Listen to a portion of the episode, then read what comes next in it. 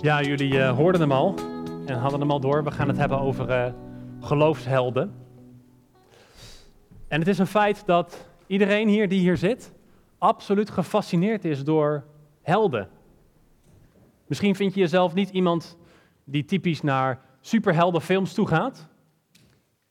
Maar als je kijkt naar waar boeken over geschreven worden, welke verhalen bedacht worden, ook in de vorm van film, hoe de budget is van honderden miljoenen euro's en hoe er nog meer wordt uitgegeven om te kijken naar een verzonnen verhaal, wat heel vaak gaat over één of meerdere helden.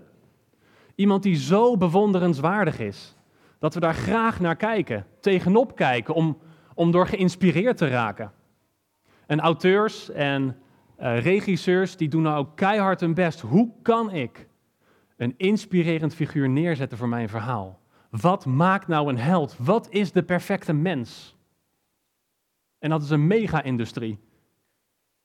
En we kijken daar zo graag naar. En vaak is zo'n held iemand die onder hele gewone omstandigheden is geboren. Of misschien zelfs hele lage omstandigheden. Maar het is iemand die een heel puur karakter heeft, een puur hart. Iemand die niet leeft voor zichzelf, maar die een missie heeft in het leven. En die zich 100% daarop focust. Die daar keihard voor gaat. En dan, dan dreigt er een grote ramp. Er is een groot probleem. Er komt een grote komeet af op de aarde en heel de aarde gaat uitsterven, tenzij er iemand is die zijn leven wil opgeven om naar die komeet te vliegen, zichzelf op te blazen in het schip, zodat de hele mensheid is gered. Dat is een held en dat vinden we geweldig. Of een held, dat is die alleenstaande moeder die alleen is met al haar kinderen, keihard moet werken om haar kinderen een betere toekomst te geven dan zij zelf heeft. Iemand die zichzelf volledig wegstreept, zodat iemand anders een beter leven heeft. Niemand vindt dat minderwaardig. Iedereen vindt dat inspirerend. Dat is wat een held een held maakt. Een held die is bereid om te lijden. Vanuit liefde voor anderen. Om relaties te herstellen en om levens te redden ten koste van zichzelf. En in de Bijbel staan ook heel veel helden. En een van de geloofshelden is David, waar we net al ook over hebben gezongen. En uh, ik dacht, weet je, we gaan gewoon eens kijken naar het verhaal van David en Goliath. Een beetje een cliché, maar voor mij is het al heel lang geleden dat we het hier binnen Connect Kerk erover gehad hebben. Ik kan me in ieder geval niet meer herinneren dat we daar echt een volledige preek aan hebben gewijd. En ik wil daarbij graag dat we weer nieuw ontzag krijgen voor wat er is gebeurd in dat verhaal. Want het gevaar is van zo'n bekend verhaal dat het bekend is. En dat we al lang denken te weten van ja, ja David, jong mannetje, ging de Goliath, versloeg hem, de Pipura, iedereen gered. En dat we niet stilstaan bij hoe, hoe geweldig, heldhaftig verhaal het wel niet is en hoe inspirerend dat ook voor ons kan zijn. Dus laten we, laten we dat doen deze morgen. Je mag trouwens ook alvast 1 Samuel 17 erbij pakken vanuit je Bijbel. Daar gaan we een paar stukken uitlezen. Maar eerst een stuk context. Van wie was David? We weten het vaak al wel een beetje in grote lijnen, maar David was de jongste van zijn gezin.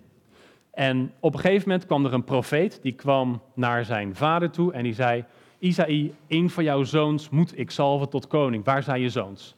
Al die zoons komen langs, prachtige, geweldige, sterke mannen, groot en knap. En Samuel, de profeet, die denkt, een van hen zal het toch zeker zijn. Maar ze worden allemaal afgekeurd door God, want hij kijkt niet naar het oppervlakkige, maar hij kijkt naar de diepere lagen, naar uh, naar het hart van de persoon, naar wie iemand echt in wezen is.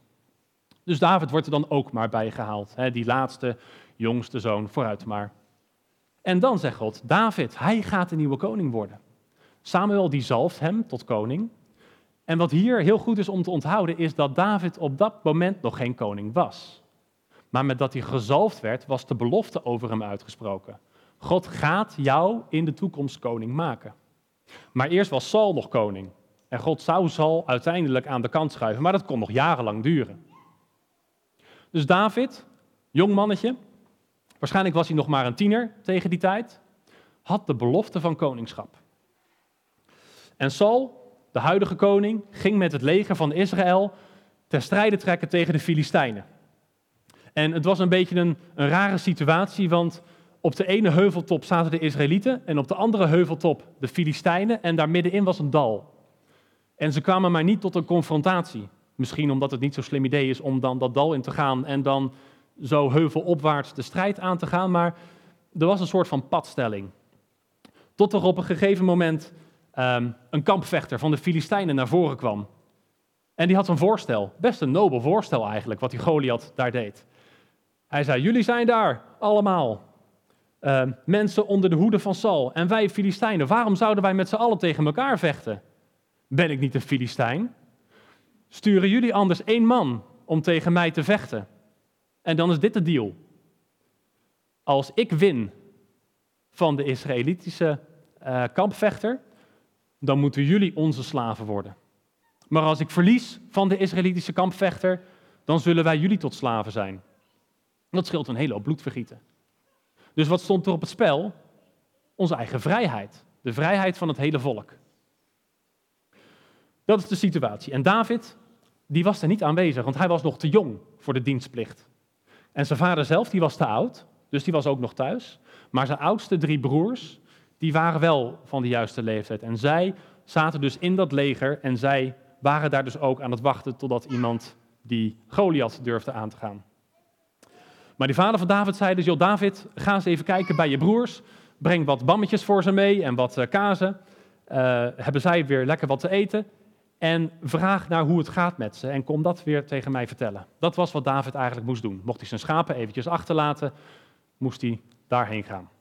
En terwijl die aankomt, was Goliath weer afgedaald in die vallei en die begon weer te brullen. Ik zal uh, een stukje daaruit lezen, 1 Samuel 17 was dat. Eerst staat er een hele omschrijving van hoe verschrikkelijk groot en sterk Goliath wel niet was. En zijn speer was zo zwaar en zo dik en zoveel shekel uh, brons zat er in zijn, uh, in zijn zwaard. In ieder geval, je moet heel erg onder de indruk zijn nu van Goliath. Dat is de bedoeling. Goliath, hij stond daar, dit is vers 8. Hij stond daar en hij riep de gelederen van Israël toe. Hij zei tegen hen, waarom zou u uitrekken om u op te stellen voor de strijd? Ben ik niet een Filistijn en bent u geen dienaar van Saul? Kiest u een man die naar mij toe komt. Dit is die uitdaging die hij neerlegt. En als hij mij dan verslaat, dan worden wij jullie slaven. En andersom worden jullie onze slaven. Verder zei de Filistijn: Heden hoon ik de gelederen van Israël. Geef mij een man om samen te vechten. En toen Saul en heel Israël deze woorden van de Filistijn hoorden, waren zij ontsteld en werden zij zeer bevreesd. Niemand durfde hem aan en David die hoorde dit. Hij hoorde hoe Goliath het volk van God belachelijk aan het maken was. En dat deed wat met hem. Hij werd daar boos over. Wie is die onbesneden Filistijn wel niet? Dat hij het leger van de levende God van Israël aan het honen is. Kom op gasten, waarom doet niemand er iets tegen? Hij was boos. En de vraag is, wat gaat er dan om in het hoofd van David? Ja, wij, weten de uitkomst al. Maar vergeet dat even, wat de uitkomst was. Wat moet hij denken? Hij is een tiener. Hij is een schaapsherder. Niet zijn verantwoordelijkheid. Breng gewoon je bammetjes bij je broers. Ga weer naar huis. Dat is wat iedereen doet. Er zijn daar duizenden mensen die zijn veel geschikter dan jij om te vechten. Ze zijn getraind. Ze zijn volwassen. Jij niet. En David moest als het ware vijf obstakels overwinnen. En dat zijn zaken waar we zelf ook allemaal mee te maken hebben. Als er uitdagingen zijn in ons leven, dan het eerste gedeelte is dat we vaak denken, iemand anders kan dat wel. Iemand anders kan dat beter dan ik. Er worden, worden wel eens sociale experimenten uitgevoerd. En uh, eentje is een vrij bekende. Daar gaat iemand die, die, die kleedt zich aan als echt een hulpbehoevend persoon. Dat het heel duidelijk is, die man is gewond, die heeft mijn hulp nodig. En die gaat dan midden op de weg liggen, in een drukke stad. Midden, midden op de stoep, waar allemaal mensen om hem heen lopen. En dan kijken hoe lang duurt het voordat iemand uit de meute stapt om er wat aan te doen. En dan juist in zo'n grote stad, waar dus honderden mensen bij hem langslopen, duurt het heel lang voordat er één iemand is die naar hem toe gaat. Terwijl als hij vervolgens op dezelfde manier in een heel rustig dorpje op de stoep gaat liggen, dan bijna de eerste die langsloopt, die doet er wat aan. En dat is het verschil tussen of jij in je eentje ergens langskomt en denkt, hé, hey, Er is hier verder niemand. Als ik het niet doe, doet niemand het. Dan ben je bereid om het te doen. Maar als er zoveel mensen zijn, dan kunnen wij al heel snel het rechtvaardigen om door te lopen, omdat we denken, ja maar wacht even, voor mij heeft hij medische hulp nodig en ja weet je, ehm, ik heb daar geen verstand van. Kijk eens hoeveel mensen er om me heen zijn. Tuurlijk is er iemand anders beter hierin dan ik. Iemand anders kan dat beter doen. En David had dat heel goed kunnen denken. Ik ben niet oud genoeg, ik ben geen getraind soldaat. Iemand anders kan dat veel beter doen. Maar toch dacht hij dat niet. Ten tweede, David had net zo goed kunnen zeggen: Ja, vervelend van die, van die reus, maar dit is niet mijn roeping. Ik ben net gezalfd tot toekomstig koning. Het enige wat ik moet doen is nu mijn normale leven leiden. Ik moet voor de schapen zorgen en ervoor zorgen dat ik niet doodga. Want ik moet gewoon wachten en dan word ik koning. Dat is de deal. Het zou heel dom van hem, van hem zijn als hij zijn eigen leven op het spel zet, als zijnde de kroonprins. De klus was te groot voor hem. Het was niet zijn ding, niet zijn passie, niet zijn talent.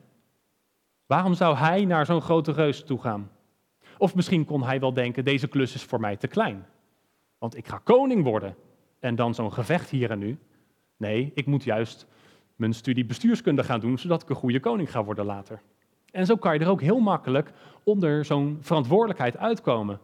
Die verantwoordelijkheid die nog niemand zich heeft toegeëigend. Past dit op onszelf toe? Denk aan bepaalde kerktaken die gedaan moeten worden. We proberen ook verschillende teams te vullen nu. Er zijn heel veel toffe dingen die je kunt doen om bij te dragen aan de bredere gemeenschap. En het is vrij makkelijk om te denken. Ik zeg niet dat jullie dat automatisch denken, maar check dat even bij jezelf. Het is vrij makkelijk om te denken. We zijn met 200 mensen. Iemand anders kan dat vast wel beter dan ik. Iemand anders is daar geschikter voor dan ik. En ondertussen zitten we dat met z'n allen hetzelfde te denken en gebeurt er misschien niks. Of hé, maar dit is niet mijn roeping, dit is niet mijn, mijn, mijn passie. Ik heb nooit een profetie gehad van, gij zult een koffieschenker zijn in de gemeente. Ik denk niet dat er heel veel profetieën daarover uitgesproken worden. Hoewel het prachtig is om te doen natuurlijk. Maar denk niet snel, dit is niet mijn ding. Ga iets doen. Draag bij aan de community. En dat hoeft ook niet per se binnen de kerk te zijn. Hè. Dit is niet een, een, een, een speech om, de Connect-kerk per, se, verder te helpen. Maar denk ook in, in je dagelijks leven gewoon door de weeks. Om een getuige te zijn van wie God is. Dat Hij leeft, dat Jezus leeft. Ja, maar ik ben niet echt een evangelistentype. Dat is niet mijn ding. Ja, dat is inderdaad ook niet echt mijn ding. Ik vind het makkelijker om hier voor honderd mensen te staan dan om één persoon aan te spreken in mijn straat, heel eerlijk gezegd. Maar ik wilde dan niet mezelf op die manier onderuit praten. Nee, ik wil ook die verantwoordelijkheid aangaan, juist. Waar je ook bent, doe gewoon wat je hand je te doen geeft. Ook een, uh, een tekst ergens uit de Bijbel. Doe wat je hand je te doen geeft. Wees lekker bezig. En ten derde, wat gebeurt er dan vervolgens? David die, die begint wat te solliciteren naar, naar die klus. En waarschijnlijk koning Saul, die kende hem nog niet. En hij kon dus niet zomaar naar Saul toe lopen en zeggen, Jo, Saul, ik ga dat doen. Ik ga tegen die reus vechten. Zo ging dat niet. Het ging anders. Even kijken, gaan we weer een stukje lezen. Dat is vanaf vers uh, eh, 26. Toen zei David, 1 Samuel 17 trouwens nog steeds. Toen zei David tegen de mannen die bij hem stonden, wat zal men de man doen die deze Filistijn verslaat en de smaad van Israël afwendt? Wat is de beloning? Want wie is deze onbesneden Filistijn wel? Dat hij de gelederen van de levende God durft te honen? Hier zie je weer zijn verontwaardiging. Wie is die vent wel niet? En wat is de beloning voor de man die hem verslaat? Even daarvoor en even daarna wordt het ook uitgelegd, wordt dat geschreven. Hij zal overladen worden met grote rijkdom. Twee, hij zal mogen trouwen met de dochter van Saul. Dan trouw je het koningshuis in. En drie, hij en zijn familie zullen nooit meer belasting hoeven te betalen. Nou, best een goede deal.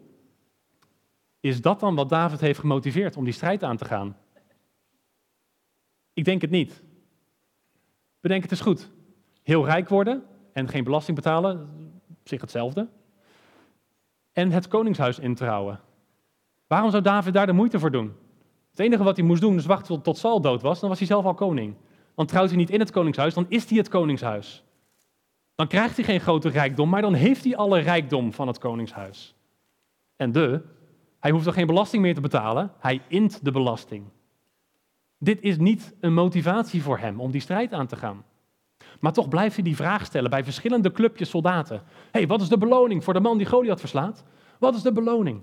Wat zal men die man doen? En geruchten begonnen zich te verspreiden door dat legerkamp tot het bij koning Saul terecht kwam. En toen liet Saul David halen. En zo kwam David dus bij Saul te staan. Nog één ding wat ik daar heel boeiend aan vind is dat David niet heel erg geestelijk bezig was. Kijk, wat nou als wij zo'n grote klus zouden zien? Heel gevaarlijk. Je zet je leven op het spel. En je bent niet geroepen door God om dat te gaan doen. Wat doe je dan? Laat mij er even over bidden. Je, je appt je connectgroep. Willen jullie met mij meebidden? Gaan we vasten? Je gaat ook nog naar het gebedsteam na de dienst. Joh, ik heb iets op mijn hart. Moet ik dat wel of niet doen? Is de Heer met mij? Maar David die deed dat niet zo geestelijk hier. Hij had die verontwaardiging. Hij wist, iemand moet Goliath confronteren. Niemand doet het, dan doe ik het. En hij ging nu. Nu meteen. En dat is dat derde obstakel. Vaak denken we, komt later wel. Nu even niet, want nu is mijn situatie echt niet handig daarvoor. Ik ben nu moe en het is topdrukte op werk en met mijn kinderen. Dat vereist toch ook wel even veel aandacht. En trouwens, Goliath die kwam al 40 dagen. Iedere ochtend kwam die dat dal in en begon die te brullen. Ik bedoel, morgen staat hij er weer hoor. Volgende week staat hij er weer. Ik hoef nu niet te besluiten. Met een beetje mazzel, als ik het nou uitstel, komt er iemand anders naar voren die het gaat doen. Dan hoef ik niet meer. Maar David is een held. Hij zegt: Nee, ik, nu, niet iemand anders. En dat vind ik vet. En een van de zaken waar wij dat ook altijd scherp moeten houden, dat we dingen niet gaan uitstellen, is zeker ook op het vlak van relaties. Als je weet in je leven, er zit iets niet helemaal oké. Ik weet dat er iets is wat ik moet aanpakken. Misschien in mijn karakter, in mijn persoonlijkheid. Of in mijn relatie met, met mijn ouders, met mijn gezin, met mijn kinderen. Mijn huwelijk is niet helemaal oké. Ja, maar het gaat nog wel. Waarom zou ik het nu doen? Het is vet moeilijk om zoiets te confronteren. Om het ook bekend te maken aan anderen als je hulp nodig hebt. Maar hoe vaak hoor je ook wel niet dat als er dan relaties kapot gaan, dat dan gezegd wordt: ja, de laatste jaren ging het al wel steeds minder. En toen we hulp zochten, was het eigenlijk al te laat. Als zoiets bij jou speelt, confronteer het nu. Dat is wat een held doet. Dat is je klus dan. Niet meer uitstellen. We gaan er nu voor. David had het allemaal overwonnen, deze drie obstakels. En dan, vers 28. Dus David was zo aan het solliciteren naar die, naar, naar die klus, hè, door te vragen van wat is de beloning voor die man? Toen zei Eliab, dat was zijn oudste broer, weet je nog, want die moest daar wel dienen in het leger. Toen Eliab, zijn oudste broer, hem tot die mannen hoorde spreken, toen ontstak Eliab in woede. Zijn broer werd boos op David. En David zei, uh, nee, hij zei tegen David, waarom ben je eigenlijk gekomen? En onder wiens hoede heb je die paar schaapjes van je achtergelaten? Oeh, dat is een klap onder de gordel. Waar zijn die schaapjes van je? Ga dat lekker doen, onder deurtje, irritantje. Ik ken je overmoed wel en die slechtheid van je hart, want je bent gewoon gekomen om het vechten te zien. Heeft hij al die stappen gezet? Doet hij het perfecte? Wordt hij afgezekerd door zijn eigen familie? Moet hij daar nog overheen komen? En dit is ook zo'n helder trek van David. Kan me niet schelen. Gaat iedereen naar rechts? Ik ga naar links. Waarom? Niet per se om af te wijken, maar omdat dat de overtuiging is van mijn hart. Ik moet dit doen. Kan me niet schelen wat mijn broers zeggen, wat mijn ouders zeggen, wat de andere mensen zeggen. Ik ben anders en ik ga dat ook anders doen. Man, daar is ook kracht voor nodig, want dat is echt lijden. Om afgewezen te worden door je geliefde. Of ook door onbekenden. Zo'n uh, sociale afwijzing, dat is werkelijk, letterlijk ook een fysieke pijn die je voelt. Zelfde pijnreactie als, als bepaalde fysieke dingen die je kunt hebben. Maar door dat stuk lijden is David bereid heen te gaan. En dat is de vijfde, laatste obstakel ook. De, misschien de meest voor de hand liggende. Als hij tegen Goliath zou vechten, nou ja, stel dat ze aan elkaar gewaagd zijn, dan is het 50-50 kans dat hij dood zou gaan. En Goliath was een getrainde, sterke, grote kerel met zware wapens. De kans was heel groot dat hij dood zou gaan. En hij hoeft het niet te doen, maar hij kiest er vrijwillig voor om zichzelf in die positie van lijden te zetten. En zelfs als hij zou winnen, dan zou de kans nog aardig zijn dat hij zelf ook gewond raakt in die strijd. Wat bezielt hem? Nou, hetzelfde lijden. Of dezelfde leidersbereidheid als we zien van hoofdpersonages in beroemde films. Van Lord of the Rings-achtige films, waarbij er een hobbit een ring uh, mee gaat dragen door allemaal, allemaal zware omstandigheden heen. Hij heeft het ervoor over.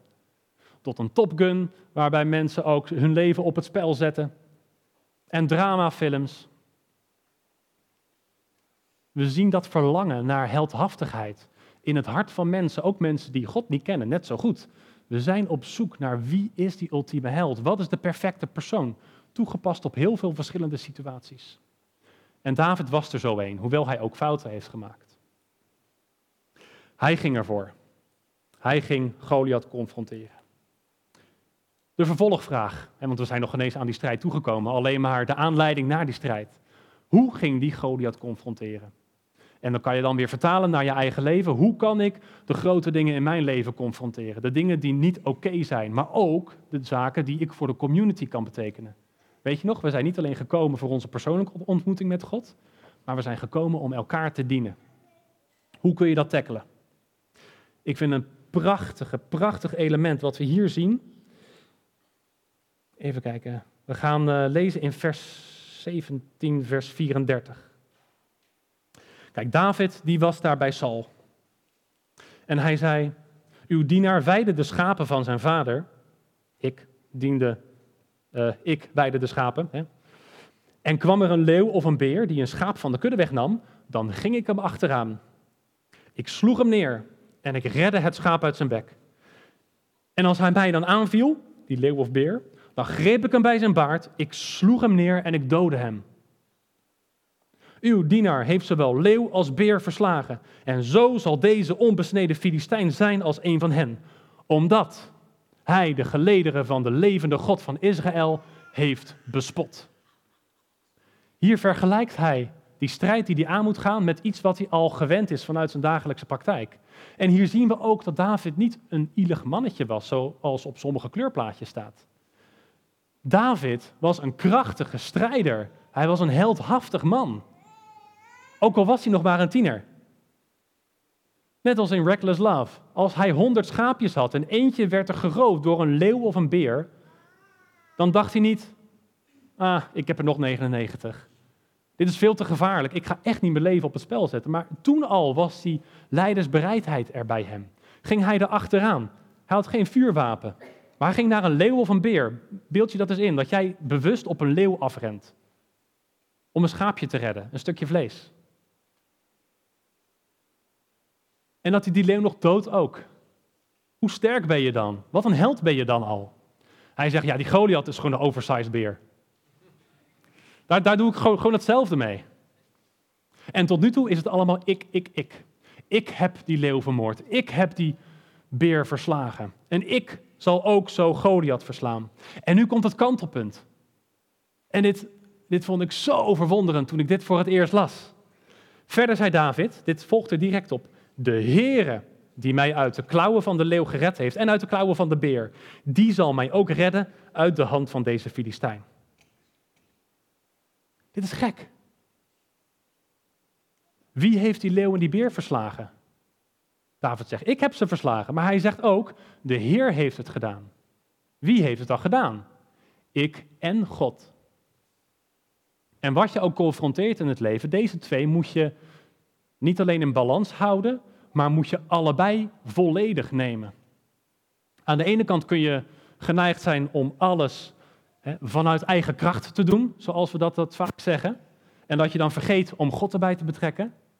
Er is ook een andere kant, een soort van luiheid met een geestelijk sausje eroverheen. Het is de strijd van de Heer. Hij zal het wel voor mij doen. Als Hij wil dat het oké komt, dan zal Hij dat en dat wel voor mij regelen. Waarom pak je het niet allebei?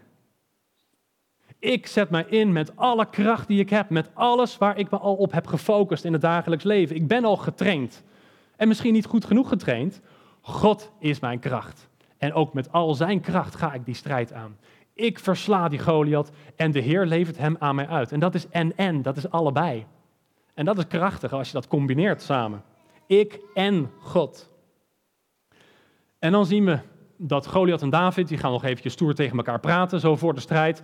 Dan zegt Goliath, eh, wie ben je wel niet, dat je met een stok op me afkomt, ben ik een hond of zo? Ik zal jouw vlees aan de vogels voeren. Oh, nou lekker. Daarna komt David met zijn eigen speech, die is drie keer zo lang, ook een hoop heldhaftig gepraat. En dan zegt David ook de hele tijd, ik zal jou verslaan, ik zal dit en dat doen. En dan weer dat kantelpunt. Op deze dag zal de Heere u in mijn hand overleveren. Yahweh zal het doen, die God die jij hebt bespot. Ik zal u verslaan en ik zal uw hoofd van u wegnemen. Klinkt niet heel erg bedreigend als er u's in staan, hè? Vuile boef, ik zal uw hoofd van u wegnemen. Ik zal je kop afhakken. Dat is misschien wat hij uh, gezegd zal hebben. En dat is een stukje wat dan niet op die kleurplaatje staat hè, van de zondagschool. Daarbij eindigt het altijd met het slingeren van die stenen. Dat, dat wordt dan even gecensureerd en misschien wel terecht. Ik zal deze dag de dode lichamen van het leger van de Filistijnen aan de vogels in de lucht geven en aan de dieren van de aarde. En heel de aarde zal weten dat Israël een God heeft.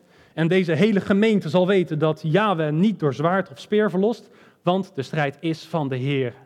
Hij zal u in onze hand geven. Grote woorden.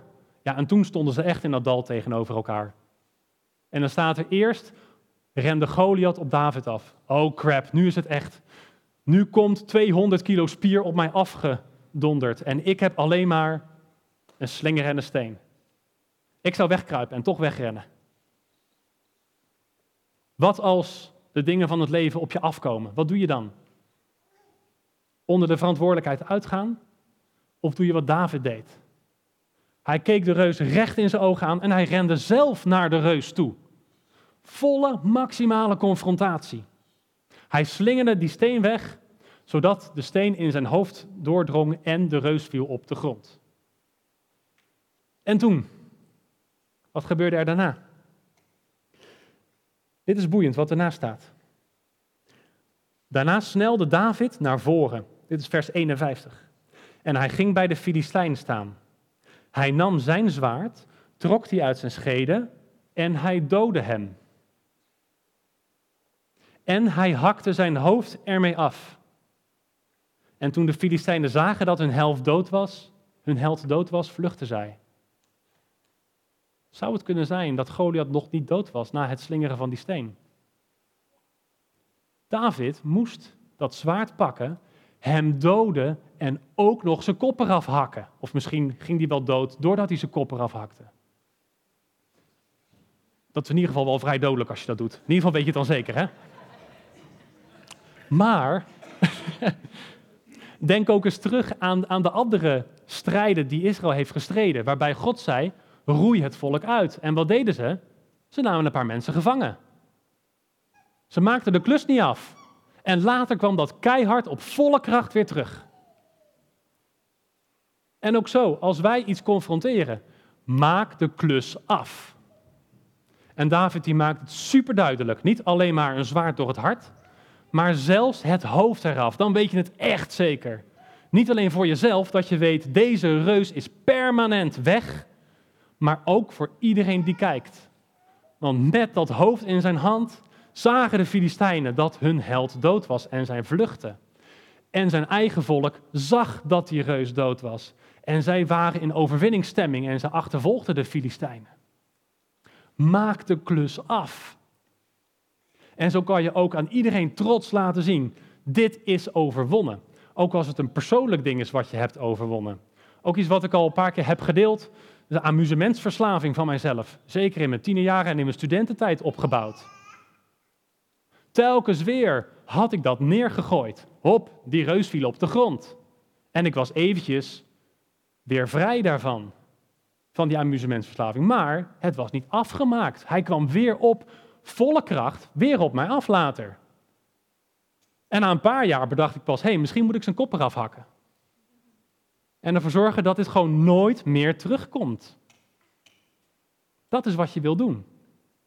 En nu ik dat deel aan jullie, houd ik als het ware zijn hoofd in de lucht en zeg ik, kijk, dit is overwonnen. Maar dit doe je niet alleen voor jezelf. Een klassieke toepassing van zo'n preek zou dan zijn, wat is de Goliath in jouw leven?